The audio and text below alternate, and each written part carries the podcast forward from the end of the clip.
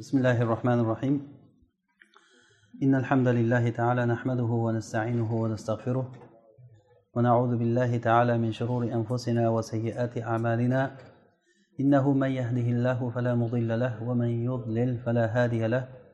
ونشهد أن لا إله إلا الله وحده لا شريك له ونشهد أن محمدا عبده ورسوله. اللهم صل على محمد وعلى آل محمد كما صليت على إبراهيم وعلى آل إبراهيم في العالمين إنك حميد مجيد وبارك على محمد وعلى آل محمد كما باركت على إبراهيم وعلى آل إبراهيم في العالمين إنك حميد مجيد وبعد alloh subhanahu va taoloni fazli marhamati bilan biz o'tgan darsimizda la ilaha illallohni shartlari haqida suhbat qilgan edik bugun inshaalloh bu suhbatimizni davom ettiramiz Biz aytib o'tdikki la ilaha illallohni ikkita tarafi bor. Birinchidan hukmi bor ikkinchidan undan foydalanish tarafi bor.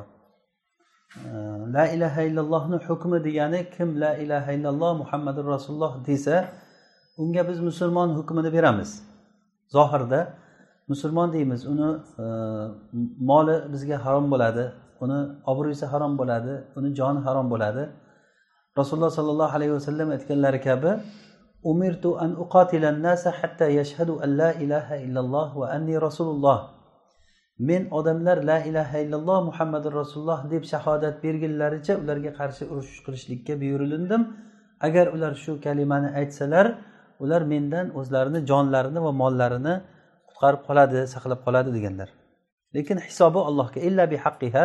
Lekin agar haqqi bilan bo'lsa unda jonini saqlay olmaydi. Yani haqqi bilan bo'lgan degani la ilaha illalloh degan kishi agar bir kishini o'ldirib qo'ysa musulmon kishini undan o'ch olinadi. Xuddiki rasululloh aytganlari kabi la yahillu damu muslimin illa bi ihda salasin ya'ni musulmon kishini qoni uchta narsa bilan halol bo'ladi. As zani birinchisi e, uylangan bo'lib turib zino qilsa.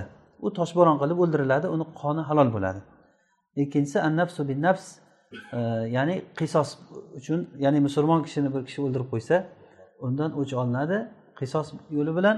Va uchinchisi al musulmonlar ya'ni dinini tashlab murtad bo'lgan musulmonlar jamoasidaga chiqib jamoasidan chiqib ketgan odam. Ya'ni murtad kishini jazosi o'lim e, bo'ladi. Mana shu uchta narsadan boshqasida uni e, moli qoni joni obro'si harom bo'ladi deganlar. Mana bu hukmi bu.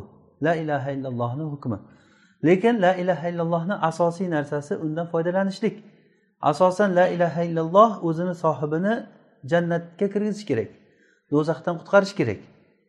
Agarda o'shanday foyda bermasa bu la ilaha illallohdan foyda yo'q. Bu dunyoda yashab uni hukmi bilan foydalanadi odam. Masalan munofiqlar la ilaha illalloh degandan keyin ularga mo'min hukmi berilib musulmon ayollarga uylangan ularga musulmonlar janoza namozlari o'qigan. Lekin ularni bu shahodatlari ollohni huzuriga borganda umuman foyda bermaydi. Bizga qiziqarli joyi eng muhim joyi la ilaha illallohni e, foyda berishligi. Bu biz aytayotgan shartlar biz o'tgan darsimizda la ilaha illallohni yettita sharti bor degan edik. Agar shu yettita shartidan bittasi topilmay qolsa la ilaha illalloh foyda bermaydi. Ya'ni bu dunyoda mo'min deb hukm qilinaveradi uni lekin ollohni oldiga borgan paytda u foyda bermaydi. Va aytdikki mana shu yettita shart ham bu qalbiy shartlar. Insonni o'zini ichida bo'layotgan shartlar uni hech kim yorib ko'rolmaydi. Ba'zi bir alomatlari bilan ko'rinishligi mumkin tashqaridan inshaalloh bugungi suhbatimizda shu haqida ozroq suhbat qilamiz. Ba'zi bir alomatlari bilan. Lekin asosan bu shartlar qalbiy ulamolar aytishadiki bu shurutun qalbiya deydi. Ya'ni inson ichidan kechadigan kechinmalar har bir odam o'zi biladi buni. Hozir darsimiz davomida odam har bir kishi o'ziga shu savollarni berib e, so'rab borish kerakki men qandayman? Menga foyda beradimi shu? Biz aytdikki la ilaha illallohni birinchi sharti ilm. Ya'ni ilm deganda la ilaha illallohni ma'nosini bilish kerak. Nima degani? La ilaha illalloh degani nima degani? Alloh taolo aytadiki illa man shahida bil haqqi va hum ya'lamun. Bil haq ya'ni ulamolar haq degani ay bi la ilaha illalloh degan qiyomat kunida kimga foyda beradi kim jannatga kiradi kimdan olloh rozi bo'ladi? La ilaha illalloh deb bilib turib shahodat bergan odamga degan demak la ilaha illallohni bilish kerak. Alloh taolo aytadiki falam annahu la ilaha illalloh. Ollohdan boshqa ma'bud haqiqiy ma'bud yo'q ekanligini biling degan. Biz buni qisqacha qilib aytib o'tib ketdik. Inshaalloh alloh nasib qilsa darslarimizda biz ma'bud ma'nosini kengroq sharhlaymiz hali. Bu juda muhim narsa biz uchun. Ma'bud o'zi nima degani? Qisqacha aytganimizda ma'bud insonni suyanchig'i degani. Inson qalbingizda agar ollohdan boshqa suyanchig'i bo'lsa demak la ilaha illallohda nima kamchilik bor degani u shart topilmadi degani. Ollohdan boshqadan umid bo'lsa ollohdan boshqadan xavf bo'lsa ollohdan boshqani bir inson ich ichidan o'shanga suyansa bu narsa insonga fitna bo'ladi. Ba'zi bir odamlar mansabiga suyanadi ba'zi bir odamlar boyligiga suyanadi ba'zi bir odamlar qarindoshlariga masalan qarindoshi davlat rahbari bo'lishi mumkin yoki katta vazir bo'lishligi mumkin. O'shanga suyanadi. Nima bo'lsa o'sha xayolda turadi. Nima bo'lsa ham o'sha ishdan ketib qolmasin deydi. Bandaga suyandimi? Demak uni la ilaha illallohida kamchilik bor degan. Birinchi sharti o'zi topilmayapti degan. Bu ma'bud uni qalbida ma'bud olloh emas faqat. Uni la ilaha illalloh degan faqat u til bilan aytiladigan kalima emas bu. Til bilan aytilsa biz qabul qilaveramiz uni hukmi dediku lekin uni foydali tarafini foyda bermaydi. U olloh biladi uni ichida nima borligini. O'sha uchun ham alloh subhanava taolo aytadiki odamlarni aksari iymon keltirdik deyishadi lekin holbuki ular shirk mushrik holatida bo'lishadi degan. Alloh taolo hammamizga haqiqiy iymon bersin. Bu narsa men takror takror aytyapmanki bu e, aytadigan darslarimiz juda muhim narsalar. Insonni najot toptiradigan narsa. Shu dunyoda e, haqiqiy saodat bilan yashab oxiratda najot toptiradigan kalima shu la ilaha illalloh kalimasi bo'ladi. Faqatgina bu foyda beradigan kalima bo'lishligi uchun mana shu biz aytadigan yettita sharti mukammal topilishlik kerak. Birinchisi ilm. Ma'bud ya'ni faqat olloh haqiqiy ma'bud olloh ekanligini biz bilishimiz kerak va shuni tan olishimiz kerak. Haqiq agar kimni qalbida ollohdan boshqa ma'bud bo'lsa bu ma'budni turi ko'p bo'ladi. Mana bu la ilaha illalloh demadi bu odam. La ilaha illalloh demagan bu. Shu uchun ham buni ma'nosini tushunganligi uchun ham mushriklar la ilaha illalloh demagan. Hatto rasululloh bilan shu darajagacha borib seni menga borib qattiq tortishuv bo'lgandan keyin ular rasulullohga aytganki sen ichimizda bir yaxshi odam eding yaxshi odamni farzandi eding bu gaplarni aytding shunchalik urushgacha olib kelding bizni deb o'zlaricha bir rasulullohdan xafa bo'lganda rasululloh aytganlarki men sizlarga bundan ham ko'ra yaxshiroq narsani aytayinmi? dedilar. Ha deganda bitta kalimani aytasizlar o'sha bilan sizlar o'rtamiz isloh bo'ladi. Bitta kalimani aytasizlar. Mana shu bilan sizlar arablarga ustun bo'lasizlar ajamlarga ustun bo'lasizlar. Hamma odamlar sizlarga tobe bo'ladi. Abu jahl aytdiki bitta emas yuzta kalimani aytmaysanmi? Ayt degan. Nima deyishimiz kerak? Ayt. O'shani aytamiz biz deganda la ilaha illalloh deylar deganda yo buni qanday aytamiz buni? degan. Ko'ryapsizmi? La ilaha illalloh deyolmagan. Nega? Chunki ular buni kalimani ma'nosini bilgan. La ilaha degani haqiqiy ma'bud ollohdan boshqa yo'q degani faqat olloh degani. A ular alal alihata ilahan vahida inna hada la shay'un ujab degan. Ya'ni shuncha olihalarni bitta iloh qilib qo'yadimi? Iloh faqat yagona bo'ladimi? Bu ajoyib ish bu bo'lmagan ish bu deyishgan. Lekin afsuski hozir odamlar mana shu kalimani ma'nosini bilishmaydi. Ma'bud faqat olloh ekanligini bilmaydi. Masalan ba'zi odamlar bor pulga sig'inadi. Pul o'tkazadi pul turg'izadi uni. O'sha pul uchun izzat obro'y martaba mansab hamma narsa shu pulga qurilgan bo'ladi. Alloh taolo masalan havoyi nafsiga ibodat qilgan odamlar haqida aytadiki havoyi nafsini o'ziga iloh qilib olgan odamni ko'rganmikan? Ko'rdingmi? dedi. Ya'ni havoyi nafsi unga iloh. Havoyi nafsi nimani xohlasa inson shuni qiladi. Ollohni kalimasi turibdi ollohni hukmi turibdi u biladi. Lekin havoyi nafsi shuni ziddini xohlasa o'shanga ergashadi. Bir emas ikki emas faqat hayoti shuni ustiga qurilingan o'tir desa o'tiradi tur desa turadi. Mana bu havoyi nafsi odamni ma'budi. Bu odam la ilaha illalloh demaydi degani. La ilaha illalloh degani ma'bud haqiqiy ma'bud faqat olloh bu la ilaha illallohni ilmi bu. Ikkinchi la ilaha illallohga yaqin ya'ni aniq ishonishlik kerak ikkinchi sharti. Bu yaqin ishonch bu insonda shunday bo'lishi kerakki yaqin kalimasini biz aytgandikki xuddi suv tinib qolsa arablarda nima deyiladi? Yaqinalma suv tinib qolgandan keyin ichidagi narsalar ko'rinadi. Balig'i bormi tagida toshi bormi o'ti bormi hamma narsa ko'rinadi. Yaqin shunday bo'lishi kerakki bizni yo'limiz ko'zimizga ochiq bo'lishi kerak. Masalan hozir bunga bitta misol e, hozir aytilinsaki agarda kimda kim kimda kim? Bir marta agar g'iybat qilsa bir marta g'iybat qilsa e, hisob raqamingizdagi kartangizdan plyus shunday o'chib ketaversa masalan. Misol aytaylik e, ming dollar pulingiz borda bitta g'iybat qilsangiz besh dollar o'chib ketdi. Qarasangiz hisobingizdan besh dollar kamayib qolibdi attang boya g'iybat qilib qo'ydim ketibdi. Qarasangiz bir kunda yuz lira yuz ellik lira e, dollar masalan ketib qolyapti. Ketib qolaversa bu odam aniq ishonadiki ha g'iybat qilganim uchun ketyapti pul ketyapti. G'iybat qilmay qo'yadi o'sha odam. Nima uchun desa pul ketyapti. Aniq bilgandan keyin g'iybat qilmay qo'yadi. Hozir masalan g'iybat qilinsa qancha katta gunoh va'da qilingan? Masalan alloh taolo juda yomon e, so'z bilan aytgan buni.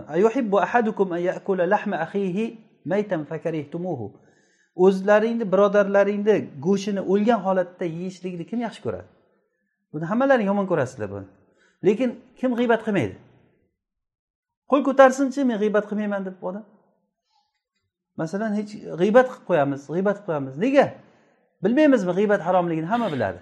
Lekin o'shanga yaqin ishonch bo'lishi kerak.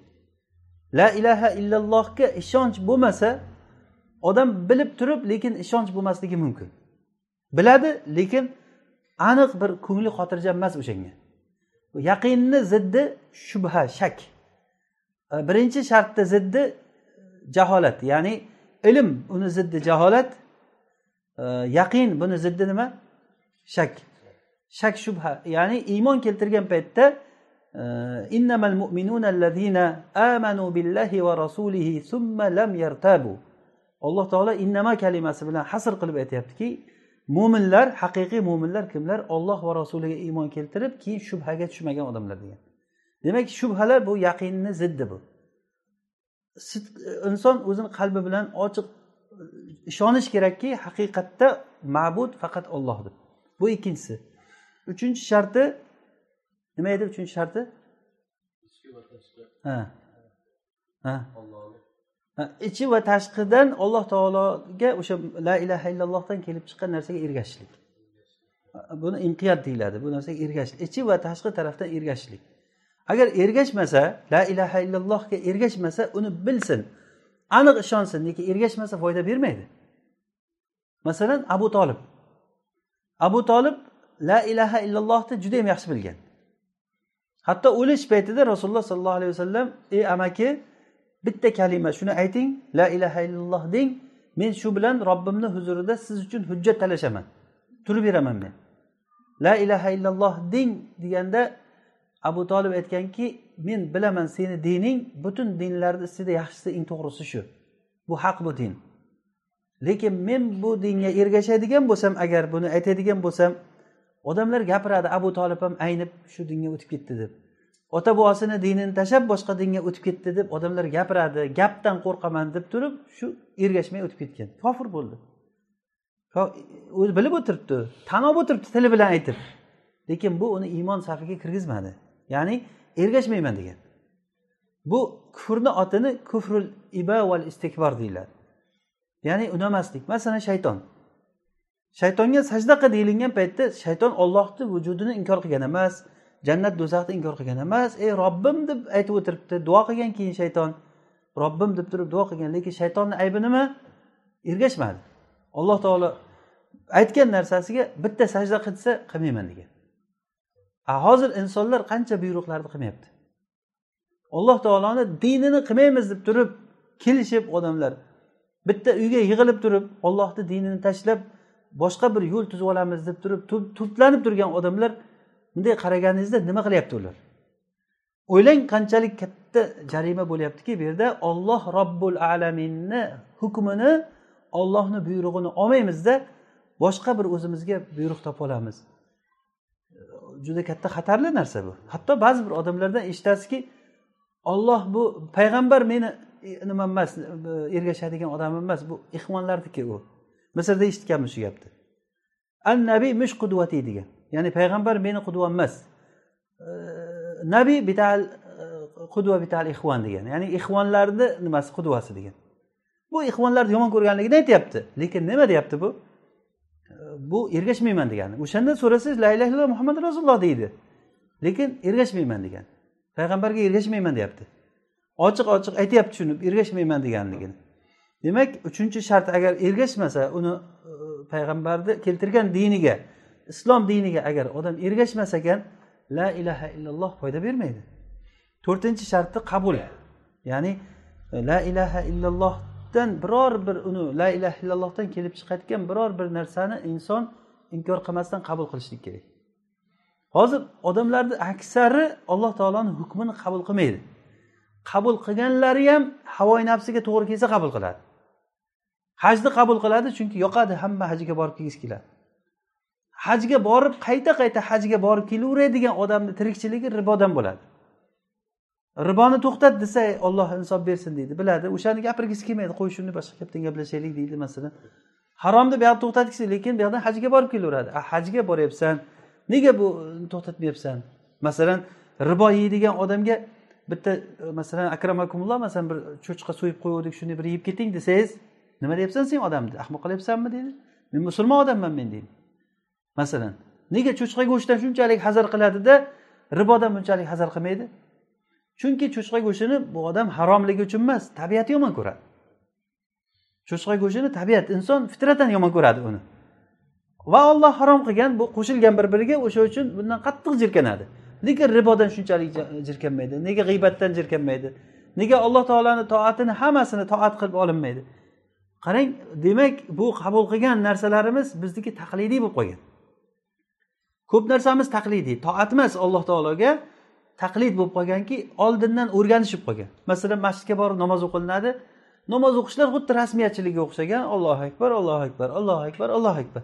Soatga qarab turib shu tezroq tugasa yigirma to'qqiz minutda taroveh xubton vitr hammasi tugashi kerak. Yigirma to'qqiz minutdan oshib ketsa cho'zib yubording bugun deyiladi imomga. Bugun yangi imom keldi zo'r imom ekan deydi. Yigirma yetti minutda tugatdi hammasini deydi masalan. Ikki minut oldin tugatgan. Bu nima degani bu masalanda toat shunday bo'ladimi? Bu o'sha ergashishlik yo'qligi agar bo'lsa ham bu taqlidiy ergashib qoladi ma'no yo'qligi bo'ladi. O'sha uchun inson qalbiga bir e, nazar solish kerak. Mana shu narsani sinash uchun alloh taolo ibrohim alayhissalomni imtihon qildi. O'g'lingni so'y dedi undan oldin o'g'lingni olib borib tashlab kel dedi qum joyga hech kim yo'q joyga labbay deb turib shunday tashlab keldi. Keyin o'zi bilan birga ergashib yuradigan ko'zga ko'rinib qolgan bo'lgandan keyin o'g'lingni endi so'y deb buyurdi. Labbay dedi javob berdi. Nima buyursa hijrat qil dedi hijrat qildi. Namrudga qarshi chiq degdi namrudga qarshi chiqdi. Hujjat talashdi. Hatto turib berdi hamma alloh taoloni buyurgan buyruqlarini o'limga teng bo'lgan o'limdan ham ziyoda bo'lgan narsalarni bajardilar. Hamma tomondan imtihon qildi. O'zini vatanini butun xalqini tashlab ketishlikka buyurdi alloh taolo. Eng birinchi muhojir kishi. Ya'ni hijrat qilib ham bunday hozirgi muhojirlardek rohatda butun nimada emas hijratlar o'ziga yarasha qiyinchilik ansor bo'lmagan ularda. Borgan joyda ularni ey olloh uchun hijrat qilib kelibsan kel biz senga ansor bo'lamiz deydigan odamlari bo'lmagan. Qiyinchilik qiyinchilik faqat imtihon bo'lgan. Mana bu narsa e, muhim taraflari. Ho'p beshinchisi beshinchi sharti nima? Beshinchi sharti ixlos. La ilaha illallohni ixlos bilan aytmasa bu foyda bermaydi. Ixlos bilan aytmasa foyda bermaydi. Buni dalili alloh taolo aytadiki ala lillahi dinul xolis. Xolis din alloh taoloniki. Aralashgan din ollohga kerak emas. Alloh taologa aralashgan din kerak emas. Hozir hayotimizda dinimizga ko'p narsalar aralashib ketib qolyapti. Alloh taolo faqat xolisini qabul qiladi. Aralashib ketib qolsa uni ham rozig'i buni ham rozig'i hech kim sendan xafa bo'lmasin deydigan din alloh taologa kerak emas. Ma'bud faqat haqiqiy ma'bud olloh bo'lishi kerak. Buyruq ollohniki bo'lishi kerak hayotimiz ollohniki bo'lishi kerak. Bir yaxshilik qilsak olloh uchun bo'lsin o'shanga boshqa bir narsa qo'shilib qolsa alloh taolo uni qabul qilmaydi. Oltinchi sharti nima edi? Sidiq. Ya'ni la ilaha illallohni sidiq bilan aytishlik. Buni rum surasida dalilini aytgan edik. Ya'ni e, alloh subhanahu va taolo odamlarni imtihon qiladi. Mo'minlarni imtihon qiladi toki maqsad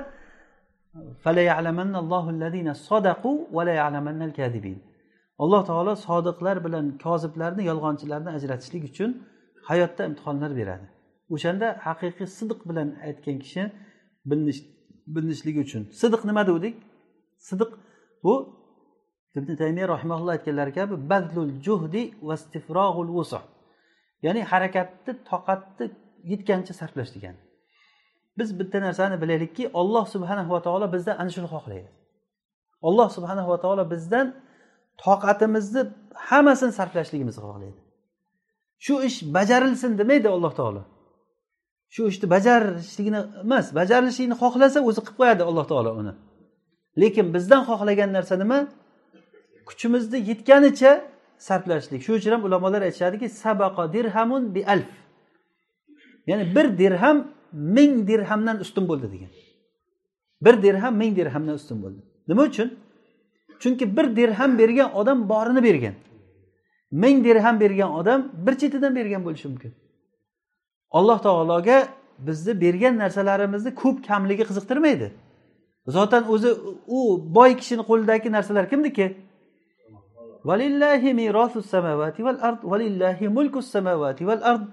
Qancha joylarda takror takror alloh taolo aytadiki osmon va yer hammasi ollohniki buni ko'rib o'tiribmiz. Zolimlar yiqqan tillolari kimga qolyapti? Olib ketyaptimi o'sha yoqqa shundan shu yoqqa hammasini? Yo'q. Alloh taolo aytadiki biz ba'zi zolimlarni ba'zilariga ustun qilaveramiz degan. Bitta zolim keladi hammani qonini ichib tillolarni yig'adida ikkinchi zolim keladi buni yo o'ldiradi yo o'zi o'lgandan keyin hamma narsasini olib bu yoqqa qarab tortadi. Yana bitta zolim keladi buni o'ldirib buni bu yoqqa tortadi.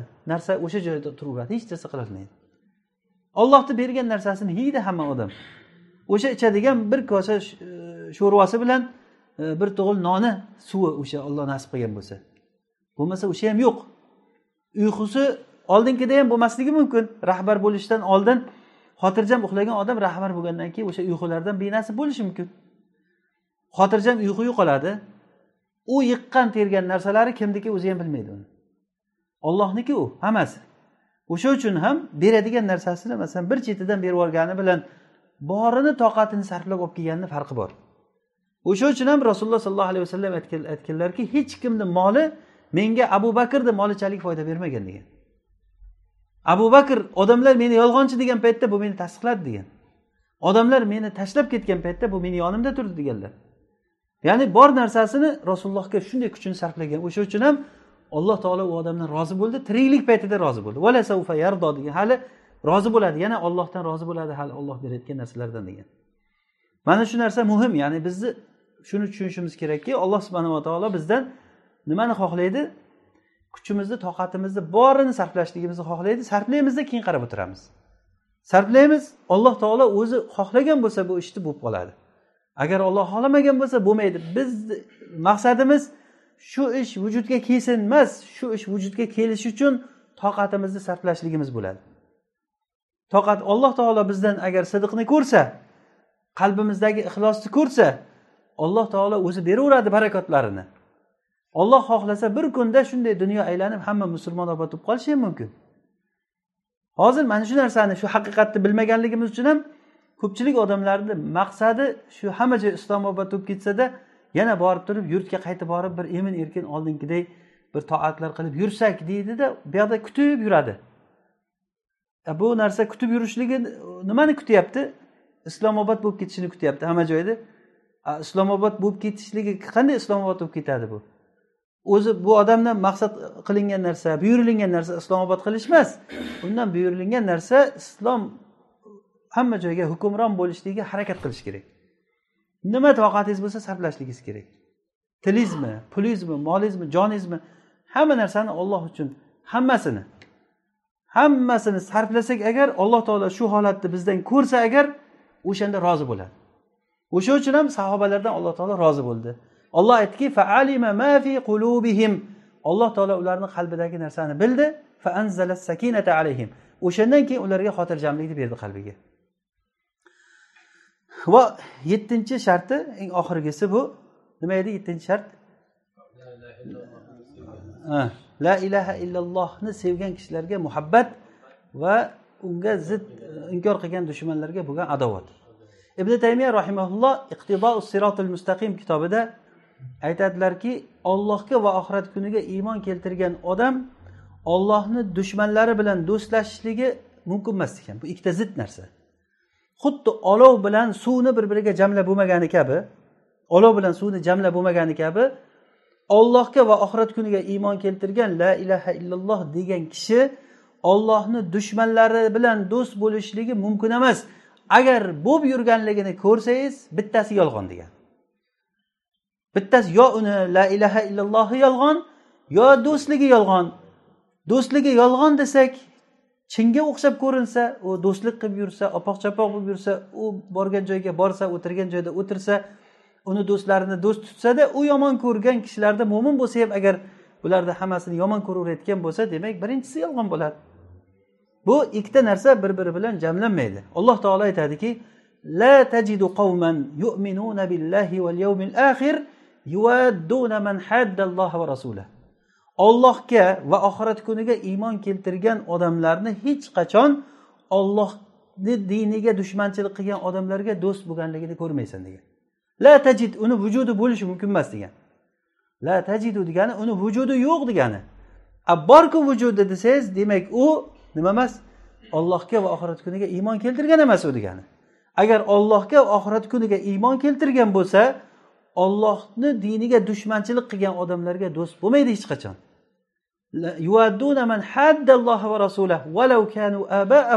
Agar ular o'zlarini otalari bo'lsa ham agar eng yaqin qarindoshlari aka ukalari qavmi qarindoshi bo'lsa ham ularga do'st bo'lmaydi. Ulaika hizbulloh ana o'sha odamlar ollohni jamoasi ular ollohni jamoasiga qo'shilaman degan odamlar bu jamoa tagiga kirishligini xohlagan odamlar kesin bu jamoatni shartlari bor. Bu jamoatni sharti shu hozir kim ollohni yaxshi ko'radi qo'lni ko'tarsin desa hamma qo'lni ko'taradi.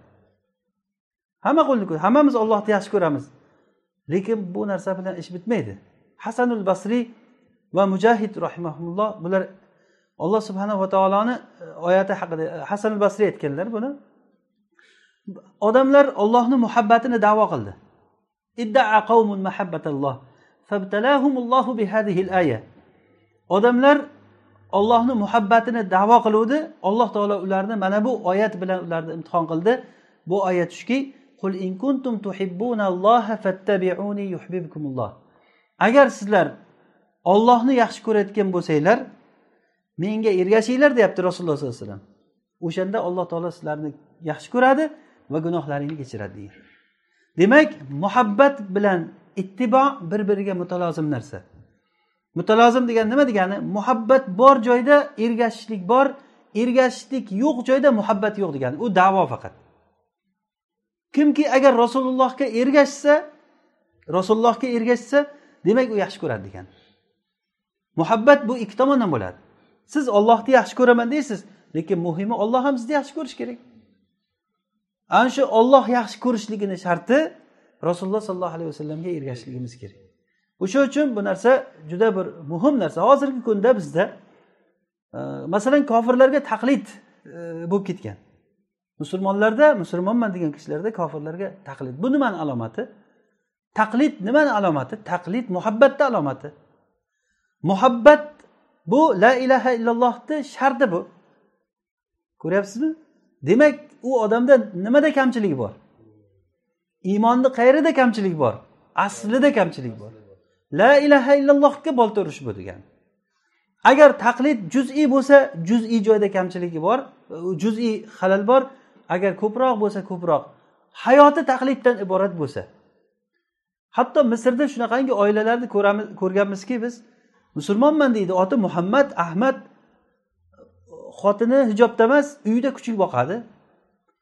Bolasi papi mami deb gapiradi. Okey deydi inglizcha gapirishga gapini yarmi inglizcha. Harakatlar ham inglizcha. Hatto shu darajagacha bir ingliz xalqiga bu g'arbga shu taqlid o'shalarni yaxshi ko'rishlik shu darajagacha borganki bitta ikkita odam emas xalq o'laroq o'shanaqangiga borib qolgan. Bir kun biz shayximiz aytadi men bir ajib bir manzarni shohidi bo'ldim deydi. Misrda bir helton degan bir gостиница bor funduq o'shani oldida juda katta bir ko'cha bor nil daryosini yonida. O'sha ko'chada moshina ko'p o'tganmiz ya'ni moshina juda tez yurib o'tadi. Odam o'tadigan joy emas yer. O'sha yerdan kelishda deydi bir kun bir e, inglizlarni bir to'dasi sayohatchilar ya'ni ayollar ochiq sochiq erkaklar bilinib turibdi shaklidan turistlar shu o'tmoqchi bo'ldi. Yo'ldan o'tmoqchi bo'luvdi shu moshinalar birdan tormoz bosib qo'llari bilan ishora qilib orqadagilarni ham to'xtatib shunday o'tkazyapti madaniyatni qarang. Shunaqangi bir muntahal adab bilan odob bilan haligilarni yo'ldan o'tkazib qo'ydi. Bu tomondan kelayotganlar ham tormoz bosdi u tomondan kelayotganlar ham katta yo'l to'xtab shu odamlarni o'tkazdi. Yaxshi narsa bu odob. Xuddi shunga o'xshash bir voqeaga ozroqdan keyin ramsis degan bir joy bor. O'sha yerda guvohi bo'ldim deydi bir jalabiya kiygan bir odam deydi musulmon odam. Yo'ldan o'tmoqchi bo'lyapti deydi moshina kelyapti. Bu odam oldinga qadam bossa orqaga tashlaydi haligilar so'kib o'tib ketyapti moshinada deydi. Oxiri deydi shu o'tishga qasd qildi deydi. Butun kuch quvvatini jamlatib yugurdi deydi yo'lni o'rtasida. Yoshi kattaroq kishi. Moshinalar u yoqqa burilgan bu yoqqa burilgan tormoz bosgan hech kim o'tkazgan qo'ymaydi haligini. So'kib ketyapti hamma odam deyapti. To'g'ri bu odam xato qilayotgandir yu o'tish qoidasiga. Lekin qani o'sha e, boshqalarga ko'rsatgan odob qani? Shunday pasportingizni ko'rgan paytda bundoq ochsa bu pasporti narigi tomonni pasporti bo'layotgan bo'lsa ye xush kelibsiz xush kelibsiz o'ting o'ting desada qarasa boyagidek musulmon odam bo'layotgan bo'lsa mana o't o'tsin. Deyilinsa masalan bu hayotimiz shu o'zimiz ham o'zimiz ham shu darajagacha tushib qoldikki masalan boshqa odamlarni hurmat qilib turib musulmon odamlarni qalbimizda o'sha musulmon odamlarga nisbatan mensimaslik paydo bo'ladi. Musulmon kishi kim? Ollohga sajda qilayotgan ollohni yaxshi ko'radigan ertaga jannatga kirsak birga bo'ladigan odamlarimiz. O'lsak tovutimizni shular ko'taradi. Janozamizni shular o'qiydi. Kafanlashdi shular kafanlaydi bizni shular yuvadi bizni yelkasida ko'tarib olib borib ko'madi. U o'sha g'arbdagilar ko'tarmaydi bizniki lekin bo'lsa odamlarda bo'lsa muhabbat ularga. Bu nimani alomati bu? La ilaha illallohni bu yerda la ilaha illallohni haqiqiy qalbda joylashmaganligi. Bu narsalar e, yana takror aytamizki la ilaha illallohni shartlari bular. Shart degan narsa nima degani? Arab tilida shart degan narsa shuki agar shu topilsa shu topilsa o'sha narsa topiladi topilmasa u narsa yo'q degani. Masalan namozni shartlaridan biri tahorat. Tahorat topilsa namoz bor. Tahorat yo'q bo'lsa namoz yo'q degani. Qiblaga qarash kiyimni toza bo'lishligi vaqtni kirishligi namozni shartlaridan. Agar shartlardan bittasi topilmasa o'sha namoz namoz emas. Hozir aytgan yettita narsa la ilaha illallohni shartlari bu oyat hadislar bilan dalillari bilan aytilingan narsa. Har bir odam o'zini qalbini imtihon qilsin. Agar mana shu yettita narsadan bittasi topilmasa bu la ilaha illalloh yo'q degani. Biz uni hukm qilmaymiz chunki uni hukmi boshqa. Buni hozir biz nima tomonni gapiryapmiz? Bu ollohni huzuriga borganda foyda berishini gapiryapmiz ollohni huzuriga borgan paytda foyda bermaydi u iymon. Iymon o'zi asli foyda beradigan iymon sohibini e, najot toptiradigan iymon bo'lishligi kerak.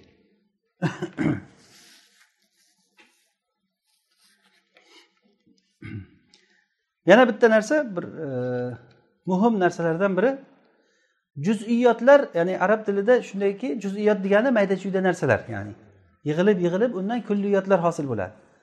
Dinda agarda juz'iyotlarda bo'lak bo'lak narsalarda kamchiliklar ko'payib ko'payib ketaversa bular hammasi borib turib kulli bir narsani buzilishligiga olib keladi. Aslida buzilishlikka olib keladi.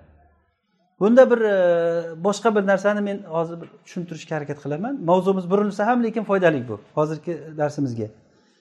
Alloh subhanava taolo o'zi hayotni yaratib din tushirib bizga masalan e, buyurganda mana shu dinni tabiatiga qarasak beshta narsa zaruriy narsalardan din mana shu beshta narsani saqlash uchun kelgan.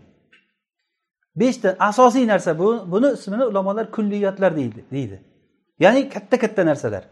Shulardan biri hifzuddin dinni saqlash. Shariatni maqsadi dinni saqlashni maqsad qilgan alloh taolo.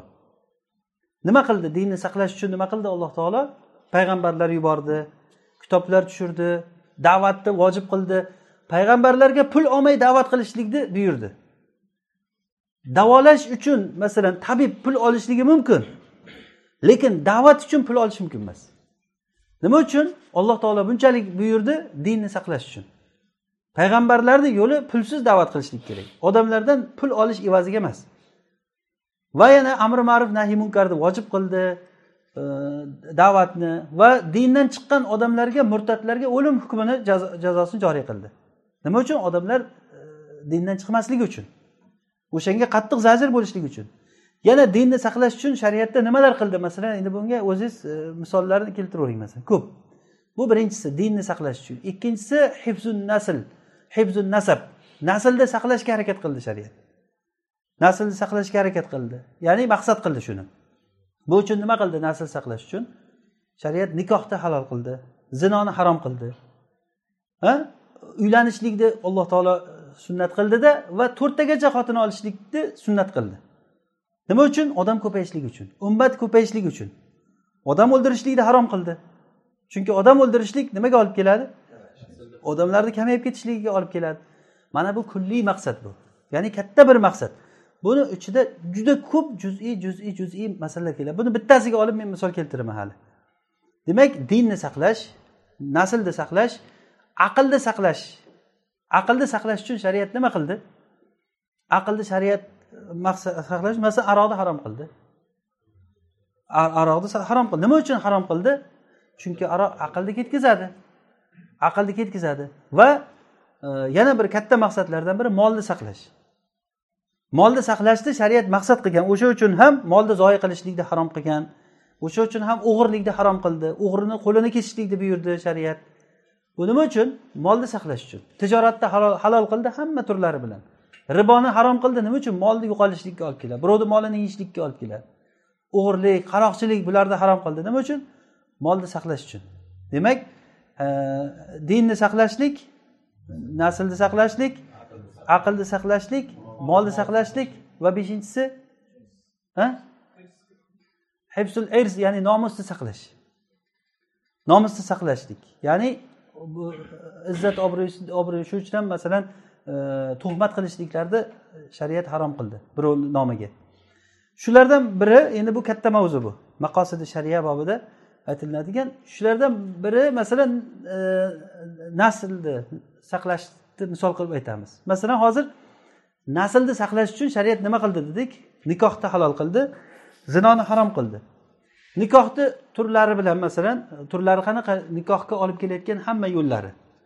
Masalan uchrashish e, uylanmoqchi bo'lgan kishi va bittadan keyin ikkita uchta to'rttalab xotin olishlik joriyalarga masalan e, nima bo'lsa joriyalarga e, nima qilish va ko'payishlik inson ko'payishlik targ'ib qildi bunga shariat. Э, uylaninglar. Tug'adigan ayolga uylaninglar. Tug'adigan xunuk ayol tug'maydigan chiroyli ayoldan yaxshi deyildi. Va hokazo. Va buni muqobilida buni ro'para tarafida zinoni harom qildi. Zinoga olib borayotgan hamma yo'llarni harom qildi. Masalan begona ayollarga qarashlikni ko'z zinosi qo'l zinosi oyoq zinosi hammasini aytib chiqdi shariatda. Ha? Bu narsalar zinoga olib keladi. Va hokazo bir erkak begona ayol bilan xoli qolishligi mumkin emas dedi. Begona ayol bilan bir joyda xoli qolishlik mumkin emas chunki bu nimaga zinoga olib keladi? Begona ayol bilan gaplashishlik mumkin emas. Shariatdan zid ravishda gaplashishlik mumkin emas. Va hokazo va hokazo. Endi mana shu e, harom tarafida harom tarafida bitta joyda kamchiligi bo'lsa bitta kichkina juziy masalan bir kishi hamma joyi joyidayu faqat ko'zi begona ayollarga qarab yuradi masalan ko'chada yurganda. Allohu yalamu ayun. Alloh taolo ko'zlarni xiyonatchisini biladi. Xoinatil ayunni tafsirida ulamolar aytishganki e, ko'ziga qarab o'tirganda taqvoli ko'zga o'xshaydi lekin hech kim qaramagan paytda bir bir qarab qarab qo'yadi. Birovni uyiga kirgan paytda undagi omonat joylariga irziga qarab qaraydi odamlar. O'sha xiyonatchi ko'z degani. Demak mana shu ko'zni nimasidan keyin e, boshqa boshqa zinoga olib kelayotgan nimalar chiqadi. Hozirgi kunda juda yam buni vasilalari ko'payib ketdi. Telefonda internetda bu kinolar faxsh kinolar deysizmi boshqa bular inson ko'zi bilan ko'ru har bittasi shu shariatni maqsadini buzishga olib kelaveradi xizmat qilaveradi. Bu juz'iyatlar deyiladi arab tilida. Ana shu juz'iyatlar bir biriga yig'ilib yig'ilib yig'ilib kelib nimaga keladi oxiri? Kulli naslni buzilishlikka olib keladi. Buni misolini mana ko'ravering. G'arbni misol qilsangiz bo'laveradi. Nasl buzilishlikka olib kelgan. Zino bo'lgandan keyin odamlar zinodan paydo bo'ladi. O'zi ko'payish yo'qolib ketadi. O'sha uchun ham mana e, rossiyalarda hozir ko'payish judayam e, orqaga ketgan. E, buni zino buni oqibati. Zino bu uylanish yo'q shar'iy uylanishlik yo'q. Yoki g'arblarda keyin ular majbur bo'lyaptiki boshqa yerdan odamlarni ko'chirib olib kelish masalan mana germaniya turkiyani ko'chirib olib borishlikka muhtoj bo'lgan. Bo'lmasa ular yoqtirmaydi musulmon davlatlarni umuman yoqtirmaydi. Nima uchun majbur bo'lgan bularni ko'chirib olib borishlikka? O'sha odamlarni saqlab qolishlik uchun. Odam kamayib ketavergandan keyin davlat yo'qolib ketadi ishchi kuchi yo'qoladi. Umuman o'sha davlat o'ttiz qirq yilni ichida inqirozga uchraydi. Juda tez vaqtni ichida. Hozir masalan mana rossiyada e, qariyb o'n million odam har yili e, orqaga uradi. Yaqinda masalan bir yuz ellik besh milliondan hozir bir yuz yigirma millionga tushgan. Bu juda katta bu o'ttiz o'ttiz besh million odam. Bitta o'zbekiston xalqi yo'qolib ketdi degani. Qisqa vaqtni ichida masalan o'zbekiston xalqi yo'qolib yana ozroq vaqtdan keyin qirg'iziston ahli qozog'iston ahli deganday qo'shilib qo'shilib ketib qolmaydi bu odamlar. Ozroq kutib o'tirsangiz qolmaydi bu odamlar. Lekin o'sha narsani sababi nimadan shuni? Mana shariatni yo'lini tutmaganligidan bo'ladi. Shariatni yo'lini tutmaganligida. Xuddi shunday shariat dinni saqlashlikni maqsad qildi. Dinni juz'iyotlarini buzilishlik nimaga olib keladi? Kulli narsa la ilaha illallohni buzilishligiga olib keladi. Sochini agar masalan sochini qo'yishlikda xuddiki o'sha kofirlar qanday soch qo'ygan bo'lsa shunday soch qo'yilinsa qanday qilib kiyim kiygan bo'lsa shu modani orqasidan ergashilinsa ular o'zlarini modasini tarqatish uchun har xil vositalar rasmlar suratlar boshqalar modellerlar chiqaradi. Boshqa e, kinolarda asosan o'sha teleseriallarda oyog'idagi to'plisiyu boshqasiyu yangi nima chiqaveradi? Har yili yangi narsalar chiqaveradi. Oldingi kiygan hozirgi endi tor shimlar kiyishlik moda bo'lyapti. Yoshlarimiz shuni kiyyapti shuni. Oldinroq haligi tagi katta bo'lgan shimlar kiyilardi no'pakadek kiyib yuradigan nimalarda? Shunaqa narsa. O'shani hozir kiyib chiqsa birov kuladi hamma. Endi hozir mana yirtiq narsalar moda bo'ldi. Hatto shu darajagacha boribdiki modasi kraska sachraganday kiyim. Yirtiqdan keyin xuddi kraska sachraganday haligi e, bo'yoqchilarni kiyimi. Eski kiyim yirtilib ketgan bo'yoq sachragan. Haqiqatdan o'sha teskari o'shani uni ham teskari qilib kiyib olish yana ham moda. ana shuni kim kiyyapti ahmad bilan muhammad kiyyapti shuni. Ahmad bilan muhammadga uni orqasidan izma iz ergashyapti. Rasululloh sollallohu alayhi vasallam aytdilarki sanana man kana qoblakum shibron bi shibrin va ziroan bi ziro hatta law dakhalu fi juhri zabbin zabbin la dakhaltumuhu wara'ahum. Sizlar o'zlaringdan oldingilarni millatiga qadamma qadam poyma poy. Hazval quzzati bil quzza degani xuddiki kamonni o'qini orqasida patchalari bo'ladi. Shu patni qaychini olib turib bir tomonni kesgan paytida ikkinchi tomonni shunga to'g'irlab kesadi. Yoyi ketgan paytda to'g'ri ketish uchun. Ana shuni kesishda to'g'irlaganday sizlar to'g'irlab ularni orqasidan ergashasizlar degan. Mana bunday bo'lib qolibdi bunisi bunday bo'lib qolibdi orqasida mo'min kishini g'iybat qilib gapiriladi modaga ergashmaganligi uchun. Kastim shim bilan krossovka kiyib olib yuribdi deydi. Kostyum shim kiyib olganda oyog'ida krossovka deydi.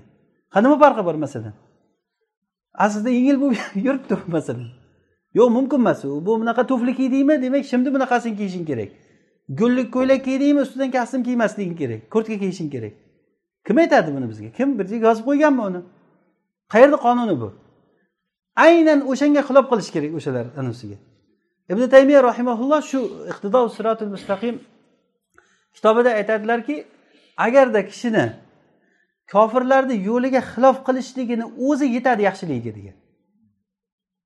Kofirlarni yo'liga xilof qilishligini o'zi yetadi degan. Shu narsada bizga fotiha surasini o'zi kifoya. Alloh taolo bizlarni payg'ambarlarni yo'lini so'rashlikka chaqirgan. Ihdina sirotal mustaqim. Fotiha surasi bu namoz usiz sahih bo'lmaydigan. Imom molik imom e, imom shofiy va imom ahmad va imom buxoriy mazhablarida va rojih mazhab shu. Fotihasiz namoz namoz emas. Ya'ni shunchalik shart. Fotihasiz va imom abu hanifa rahimulloh mazhabida vojib. Ya'ni namoz o'qish kerak degani gunohkor bo'ladi fotiha o'qimasa. Mana shunda har kuni necha marta takrorlab o'qiydigan fotihamizda bizni bir ma'noni alloh taolo o'rgatadiki ehdina sirotol mustaqim. Bizni sirotol mustaqimga hidoyatla sirotol ladina an'amta alayhim bu payg'ambarlarni yo'li. Ya'ni bu payg'ambarlarni yo'li. Qanaqa yo'l bu? Bu yo'lni sharhi boshqa oyatda keladiki rasul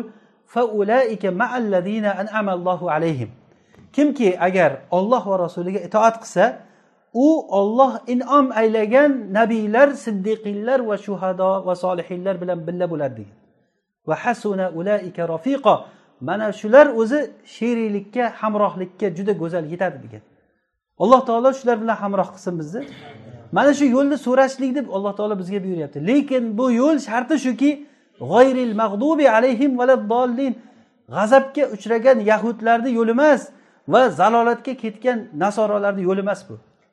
Aynan shu yahud va nasorolarni yo'liga xilof bo'lgan payg'ambarlarni yo'li deyapti. Bizni yo'limiz boshdan darsimizni boshdan aytdikki ibrohim alayhissalomni hanif millati bizni islom dinimiz. Mana shu dinni din tutdik biz mana shu dinga kirdik hammamiz alhamdulillah. Bu dinni shartlari bor. Bu jamoatga qo'shilishlikni ustavi bor deydiku jamoatni ustavi bor. Xuddi shunday bu jamoatni shartlari bor. Bu shartlari mana shu la ilaha illallohni yettita sharti. Shu topilsa siz shu jamoatdansiz. Mana shu shartlarda kamchilik bo'lsa bu kamchiliklar mayda mayda mayda bo'lib turib yig'ilib kelib turib nimaga olib keladi? O'sha katta la ilaha illallohni buzib yuborishlikka olib keladi. Hech qachon kofirga do'st bo'lgan odam mo'min bo'lishligi abadan mumkin emas. Bu olloh aytyapti bu gapni. La tajidu qavman. Biror bir qavmni topmaysan deyapti. Uni vujudi yo'q u odamlar degan. Uni voqeda vujudi yo'q. Agar bo'lsa ham demak u mo'min emas degani ollohga va oxirat kuniga iymon keltirgan odam ollohga va ollohni diniga dushman bo'lgan odamlar bilan do'stlashmaydi degan. Agar ana shu odamlarni qalbiga alloh taolo iymonni yozib qo'ygan. Ulaika kataba fi qulubihimul iymon ana o'shalarni qalbiga alloh taolo iymonni bitib qo'ygan degan. Demak bu narsa muhim narsa. Inson bu hozir e, aytganimiz kabi bu shartlar qalbiy shartlar. Ya'ni qalbiy shartlar degani nima degani? Odamni ichida bo'ladigan shartlar degani.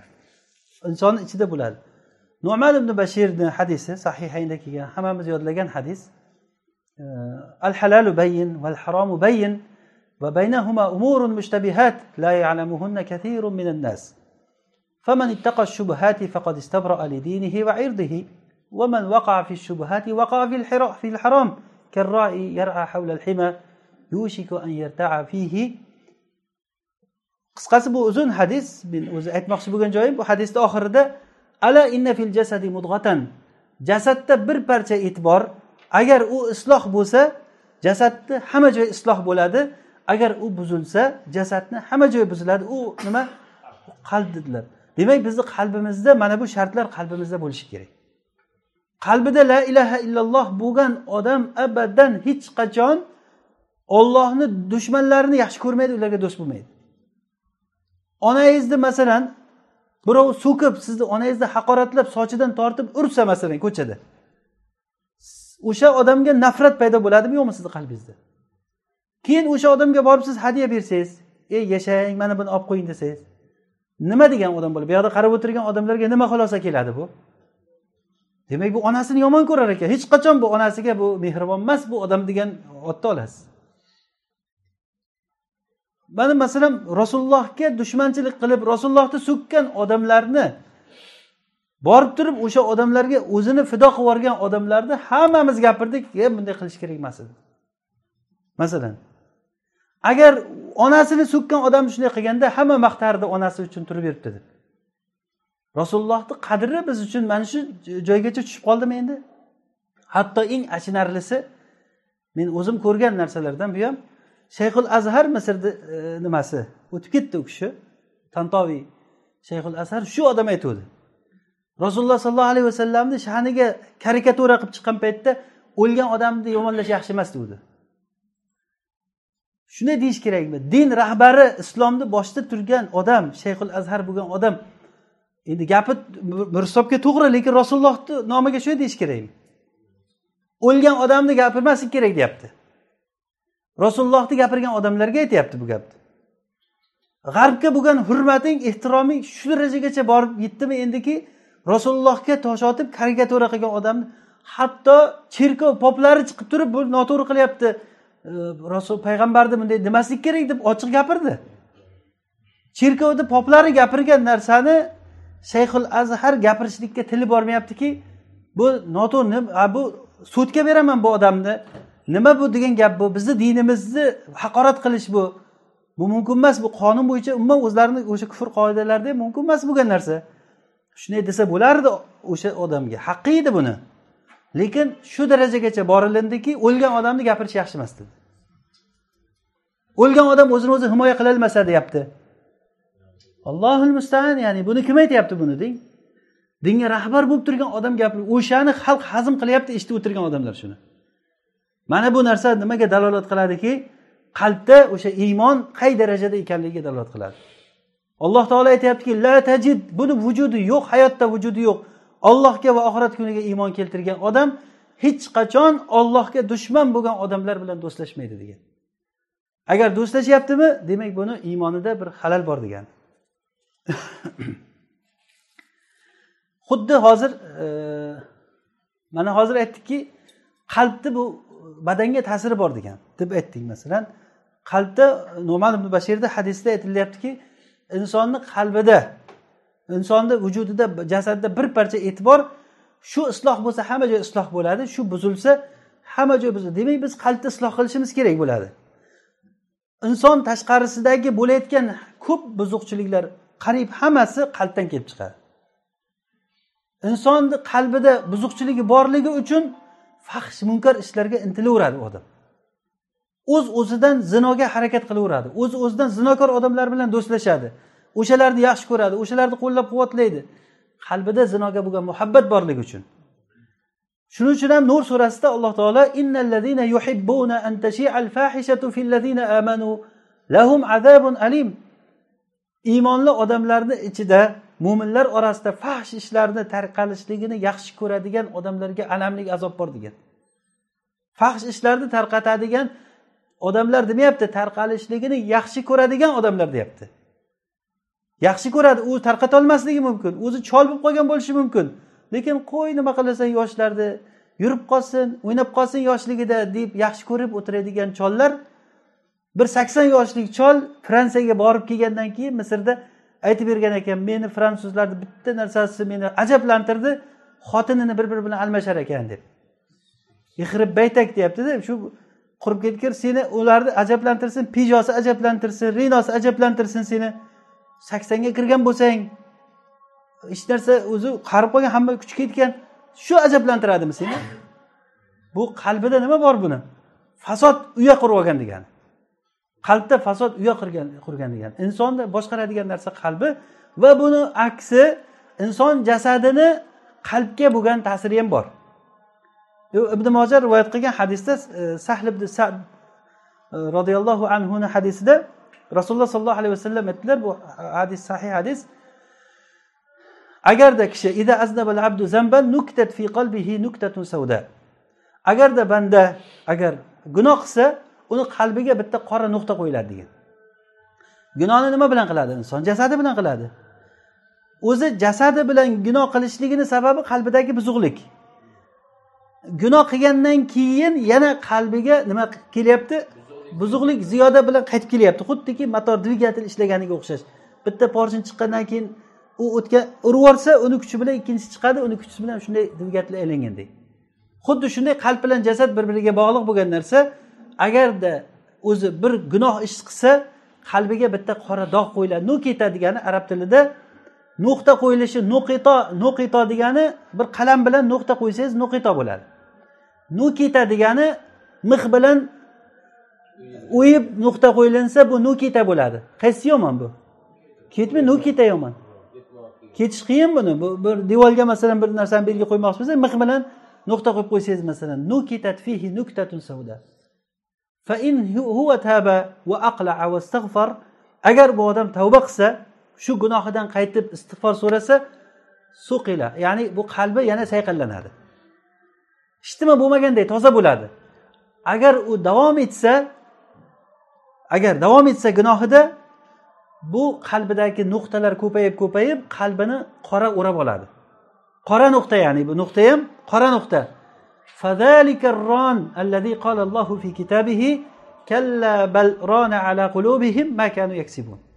Alloh taolo qur'onda aytgan ularni qalblarini kasb qilgan narsalari o'rab oldi degan zang ana shu. Demak bu qalbni qorayib qolishligini sababi nima bo'lyapti? A ma'siyatlar bo'lyapti. O'sha uchun hech qachon siz mag'rur bo'lmang ma'siyatimni odamlar bilmayapti deb. Meni qilayotgan ishimni hech kim bilmayapti deb. Yoki ma'siyatga alloh taolo ne'mat beraverganiga hech xursand bo'lmaslik kerak. Bu ma'siyatlar hech qaysisi bekor ketmaydi. Har qanday ma'siyat odamni qalbida dog' qoldiradi. Agar bu davom etaversa kattarsa qalb o'rab olinadi. Qalb keyin g'ulf qulflanadi. Olloh asrasin. Qalb o'ladi. Qalb o'lgandan keyin bu odam do'zaxga ketadi. Olloh asrasin. Demak xulosamiz shu. Inshaalloh bugungi e, aytmoqchi bo'lgan narsalarimiz shu edi.